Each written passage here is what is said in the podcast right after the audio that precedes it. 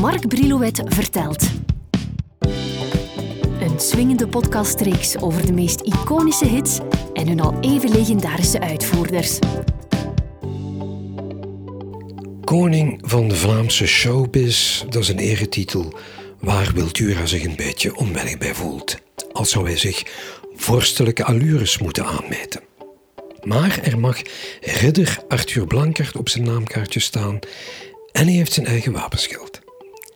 In een gesprek met Wilfried Hendricks voor Humo vertelde Wil in 2012 dat hij de duur van zijn carrière niet toeschrijft aan zijn talent, waaraan hij nog altijd twijfelt, maar aan zijn beroepsernst en aan zijn noeste werklust. De 2 augustus 2020 staan er 80 levensjaren op de teller. Tijd om samen eens terug te blikken. Nu ik er zo bij stilsta, wil deed dat niet vaak, een reporter of journalist privé bij hem thuis uitnodigen. Maar ik mocht bij hem langskomen. Zijn vrouw Jenny die had als keurige gastvrouw alvast de koffie en de taartjes klaargezet, maar Wil die stond erop dat we meteen met onze babbel begonnen. Die zoetigheden die konden nog wel even wachten. Het was trouwens een van de weinige keren dat ik wel zo vlot en spontaan over zijn carrière en over zijn leven hoorde praten. Hij voelde zich meer dan thuis, echt op zijn gemak. Het leek bij momenten bijna een gesprek van vrienden onder elkaar. En waarmee konden we beter beginnen dan bij het prilste begin? Ja, mijn vader was het type dat. Uh, type man die uh, ontzettend van mijn moeder hield, maar die gaf altijd het vertrouwen naar mijn moeder toe. Van wat, wat is er met de kinderen?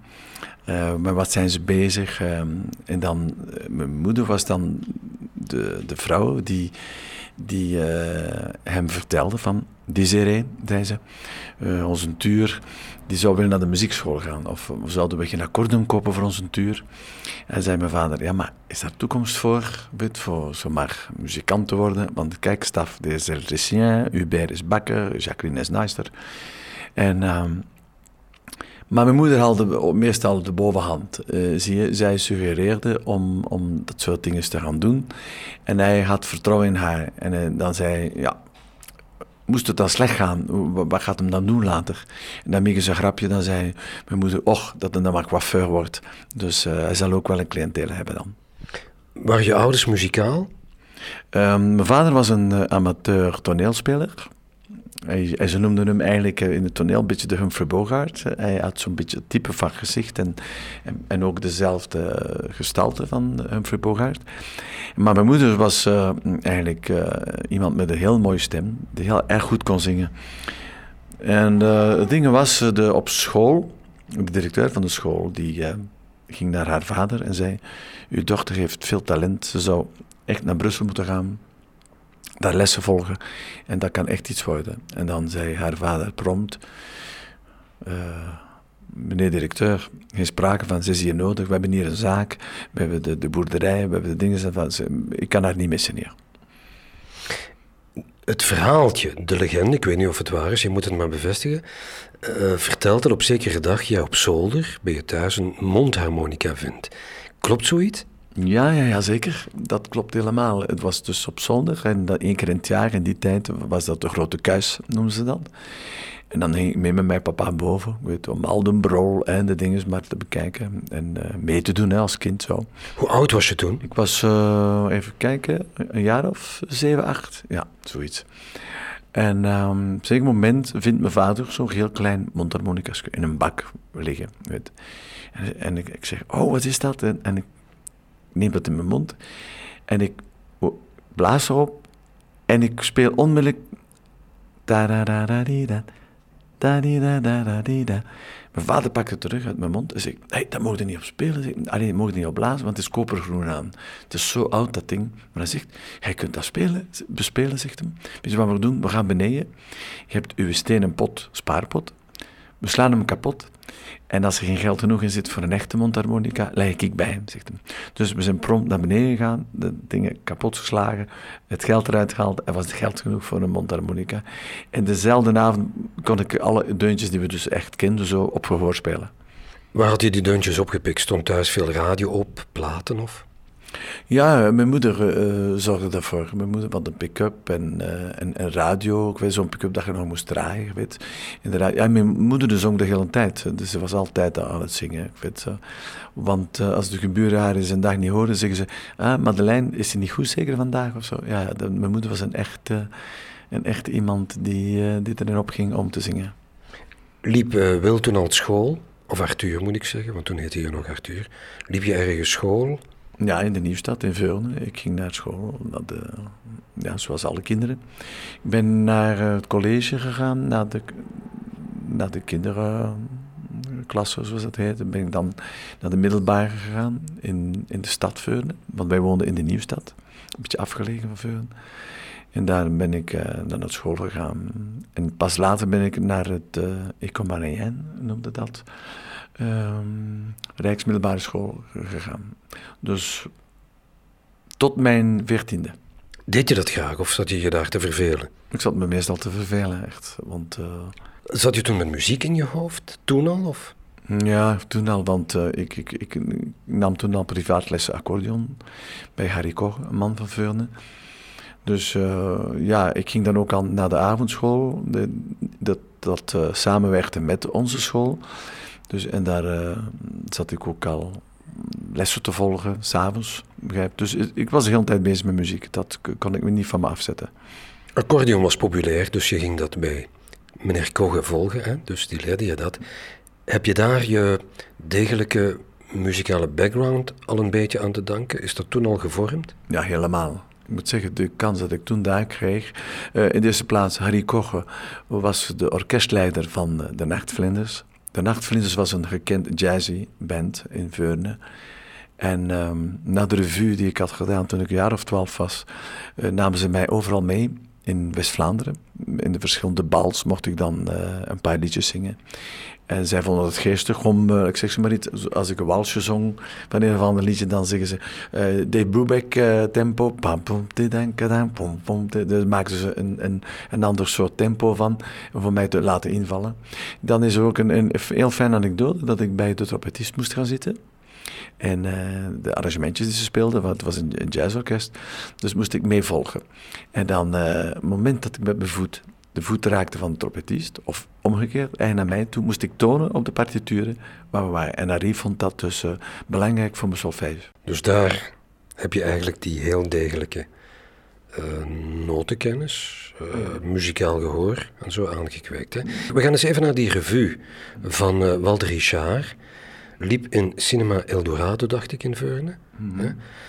Wat moet ik me daarbij voorstellen? 11, 12 jaar. Want die man, ik heb me dat maar laten vertellen en eens ergens gehoord, die zei in het begin, Arthur Blankaart en dat, dat, dat, dat, uh, wat moet ik daarmee? Ja, dat klopt. Uh, hij zei aan de krantenverkoper, hey, mijn publiciteit is klaar, zijn. Uh, wil je dat meenemen overal voor in de brievenbussen te steken? Toen zei die krantenverkoper, nee, dat wil ik niet meer doen, want uh, als ik iets vraag, doe jij het ook niet. En zei, wat heb je gevraagd? Ik zeg toch dat in, in Tuur Blankaart, dat hij uh, fantastisch kan zingen. En, als, en, uh, en je doet niet eens de moeite om hem eens te, te, te auditioneren. Hij zei, ja, maar ik ga toch niet beginnen met kinderen in mijn, in mijn, in mijn revue te, gaan gebruiken. Ik zei, ja, maar ja, dat moet toch eens. Hij zei, oké, okay, u, pakt mijn publiciteit mee en je laat hem eens komen. Dan ben ik bij hem gegaan en hij vond het direct... boeiend. Hij zei, ja, weet je wat we gaan doen? Je moet in, in de revue een paar country songs zingen, want dan zong ik de liedjes van Bobby Aan, Olga Louina. Ik had dan nog die kinderstem met en uh, hoog op de Zwitserse Alpen en dat soort toestanden allemaal. En um, ja, hij zegt, ja, maar ik kan toch niet Arthur Blanco op een affiche zetten? Wat is dat voor iets, Arthur Blankaart? Allee, en, en dan gaan er nog country zingen ook. We moeten een, iets cowboy vinden, iets Amerikaans vinden, zegt hij. Wat we gaan doen, we gaan doen, uh, uh, tuur, tuur, um, um, een beetje um, Tura. We gaan Tura maken. Tura, zegt hij. En hij zag zo in, in het café waar we zaten, zoveel ging het, zoals ik het nu vertel. Hij kijkt zo en ja, voor mijn layout zou ik toch zoiets moeten hebben. Tura, Coca-Cola, uh, uh, Willy, uh, Billy, nee, Wil, Wiltura. Dat is misschien toch wel leuk. Voor mijn layout is dat perfect. Zeg, we gaan Wiltura. Vanaf nu eet je Wiltura. Vanwaar die voorliefde voor jodelen? Oké, je zegt Olga Louina, die deed dat. Maar Ja, maar dat was een effect, hè. Eh, dat was een gimmick vroeger, hè. Dat was, Bobby Aan deed dat. Maar ik heb oude platen van jou gehoord, een opname, en je kon dat schitterend. Ja, ik heb dat heel, echt heel, heel goed gekend. Uh, gekund eigenlijk, uh, jodelen. Maar uh, ik heb dat niet blijven oefenen. Omdat ik dat, uh, ja, na een aantal jaren vond je dat op zichzelf demodé. Dat was helemaal niet meer country ook niet. De, de countryzangers van vandaag jodelen ook niet meer. Dus jodel werd voor zoveel dingen gebruikt dan, dat je zegt van, goed dat we vanaf geraakt zijn. En je liep van de ene crochet naar de andere. Ja, om, omdat ik uh, het gevoel had dat ik dat uh, wou doorzetten. Zat mama erachter? Ja, ze zat erachter. In die, in die zin, zij, zij vond het leuk wat, wat, ik, wat ik deed. Dus uh, als ik zong, want ik speelde accordeon en zij zong mee, begrijp je? Want zij ging toen naar de markten en zij kocht die, die bladeren waar, waar tiental teksten op stonden. En dan kwam ze thuis en zei, ah, ik heb een tekst hier van dat bepaald liedje. Van Johnny Jordaan of van uh, Bobbiaan of zo, ik weet. En dan uh, zong ik een paar dingen en zij zong dan. En ik begeleidde haar met de accordeon. Dat was echt ongelooflijk. Dus ze kon, ze kon dat allemaal zingen. Stel dat mama niet zo had gesleurd, geduwd, gepusht, getrokken. Was het haar dan geweest? Um, ik ga niet zeggen gepusht. Ze heeft het vooral beschermd. Want uh, het was niet zo van, ik wil dat mijn zoon eh, een zanger wordt, of dat hem... Nee, ze, ze wist dat er niks anders mee aan te vangen was. Begrijp je? Dus, was het niet een beetje zo van, ik mocht het toen niet, ik zat er een beetje over op hem? Ik denk het. Dat is altijd mijn gedachte geweest. Altijd de gedachte nog vandaag. Want uh, toen, toen de, de, leraar zei, je dochter zou naar Brussel moeten komen voor, voor lessen, voor het zingen, zal zij toen op, op het moment gedacht hebben van, maar ik geef hem wel een kans. Maar het moet van, van hemzelf uitkomen. Ja, want ik hoor soms verhalen van eh, mensen die, die, die zeggen, ja, mijn zoon moest muziek spelen en hij moest accordeon leren en hij moest solfège kennen. Hij deed het niet graag, maar, maar bij mij was het natuurlijk totaal anders, dus ik, ik, ik wou niet anders. Dus ik wou niet naar school bijna, ik wou muziek doen, ik wou op een podium staan. Na de accordeon zeg je ineens, gitaar is ook niet slecht. Waar leerde je dat? Is zeggen, het was uh, nogal simpel eigenlijk. Voor iemand die muziek kent, is dat een heel duidelijke taal. Want accordeon, daar heb je de bassen, de linkerkant, en de harmonie aan de rechterkant. Dus, en wat, wat gebeurt er? Als je accordeon kan spelen, dan, dan ken je ook de akkoorden. De do zevens, de do negens, de diminuees, noem maar op. En dan zei iemand, um, we hebben een bandje voor jou in een orkest, maar we hebben geen accordeonist nodig. Dus als je wilt werken bij ons in het Wit Paard, in het orkest in Oostende, dan, dan moet je gitaar spelen en zingen. Was dat bij Freddy's Dansorkest? Dat klopt. Welke Freddy? Uh, Freddy Vijs. En dan ging ik naar, uh, naar uh, de gitarist, lessen volgen, de akkoorden. En dat was vingersetting natuurlijk. Dus de majeurs, al die, die akkoorden, die kende ik in mijn hoofd. Alleen moest ik ze nog weten te plaatsen met mijn vingers. Dus dat is dan werk geweest van, laten we zeggen, zes maanden, een jaar. Uh, voordat ik dat onder de, onder de knie had. Want ik heb zelfs gitaar gespeeld toen in die tijd op de opnames van uh, Willy Lustenauer bij Van Brugge in de studio. Ja, ik was dan een kind van 14 eh, jaar en ik speelde toen gitaar in de studio, in de opnames van Willy Lustenauer. En ik was dus zo fier als, als ik weet niet wat, want ik was dan uh, niet de zanger die daar was, ik was daar de muzikant, de gitarist die meespeelde op de plaat. BRTN, de nu huidige Radio 2 Kortrijk, die hadden een crochetwedstrijd waar jij goed scoorde. Daar leer je uh, kennen. Ja, Jo Deensen uh, die had dat gevolgd en ik werd daar zeven keer uh, de eerste in het programma. En uh, die, die man, dat was eigenlijk de, de, manager van Friese Dansorkest. Jo Deensen, ja. En die ontdekte mij en die, en die zegt, we hebben een Franstalige zanger in het orkest. Gus Ando noemde die. Dus die speelde accordeon en zong alleen Franse liedjes. Dan was er Ronnie Bers, de, de, de Engelstalige zanger in, in, in het orkest. De Frank Lane zinger, ja, die had een prachtige stem. En dan vond hij, ah, we moeten nog zoiets hebben zoals die jonge kerel, die een beetje wat country en uh, soort Louis Magano-achtige songs kan brengen. Uh, of Begin the Begin, Cole Porter. Uh, en, dus die is mij komen aanspreken. En ik heb dan een auditie moeten doen in Oostende. En toen was ik dus zanger, gitarist. ik speelde tussendoor accordeon en dan ook nog piano, want ik had dus ondertussen drie jaar piano gedaan. niet lang genoeg natuurlijk om een echte pianist te zijn, maar ik kon dan toch wel, als er eens pauze was, van wil spelen ze een boegietje, we gaan ondertussen even take five, weet Ja, je zegt piano, intussen had je ook conservatorium Gent Oostende. Ja, had je ook achter de rug, hè? Ja. Vanwaar die gulzigheid, mondharmonica, accordeon, gitaar, piano. Ja, maar dat was een, een gevoel voor, voor mezelf van uh, accordeon zou ooit een beetje demodé worden. Dan uh, de honger om in een orkest mee te doen, dat was met mijn gitaar.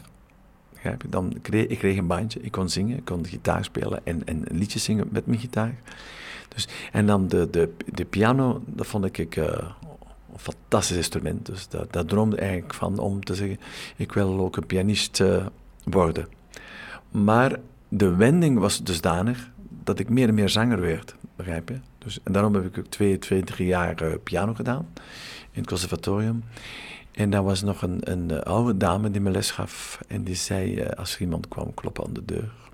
En toen moest hij de deur gaan openen. En ik profiteerde ervan, want daar was een prachtige vleugelpiano. Die had ik toen niet natuurlijk.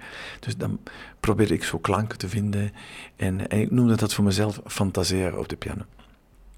En die vrouw kwam dan terug, kreeg een paar kloppen op mijn vingers. Ze zegt, ja, maar dat is het systeem niet. Je moet dus, eh, ik zei niet, smolle schmid spelen, maar hier niet zomaar zitten om de piano te, van alles te, te zoeken en doen. En toen ik mijn eerste compositie ooit... Ik wou net zeggen, kwam daar die componist dan naar boven? Ja, ja eigenlijk. Want uh, die componist kwam daar naar boven. Dus ik deed niets liever dan buiten lessen dat ik moest spelen voor Umongen. Uh, wou ik niets, niets liever dan uh, zelf iets, iets vinden.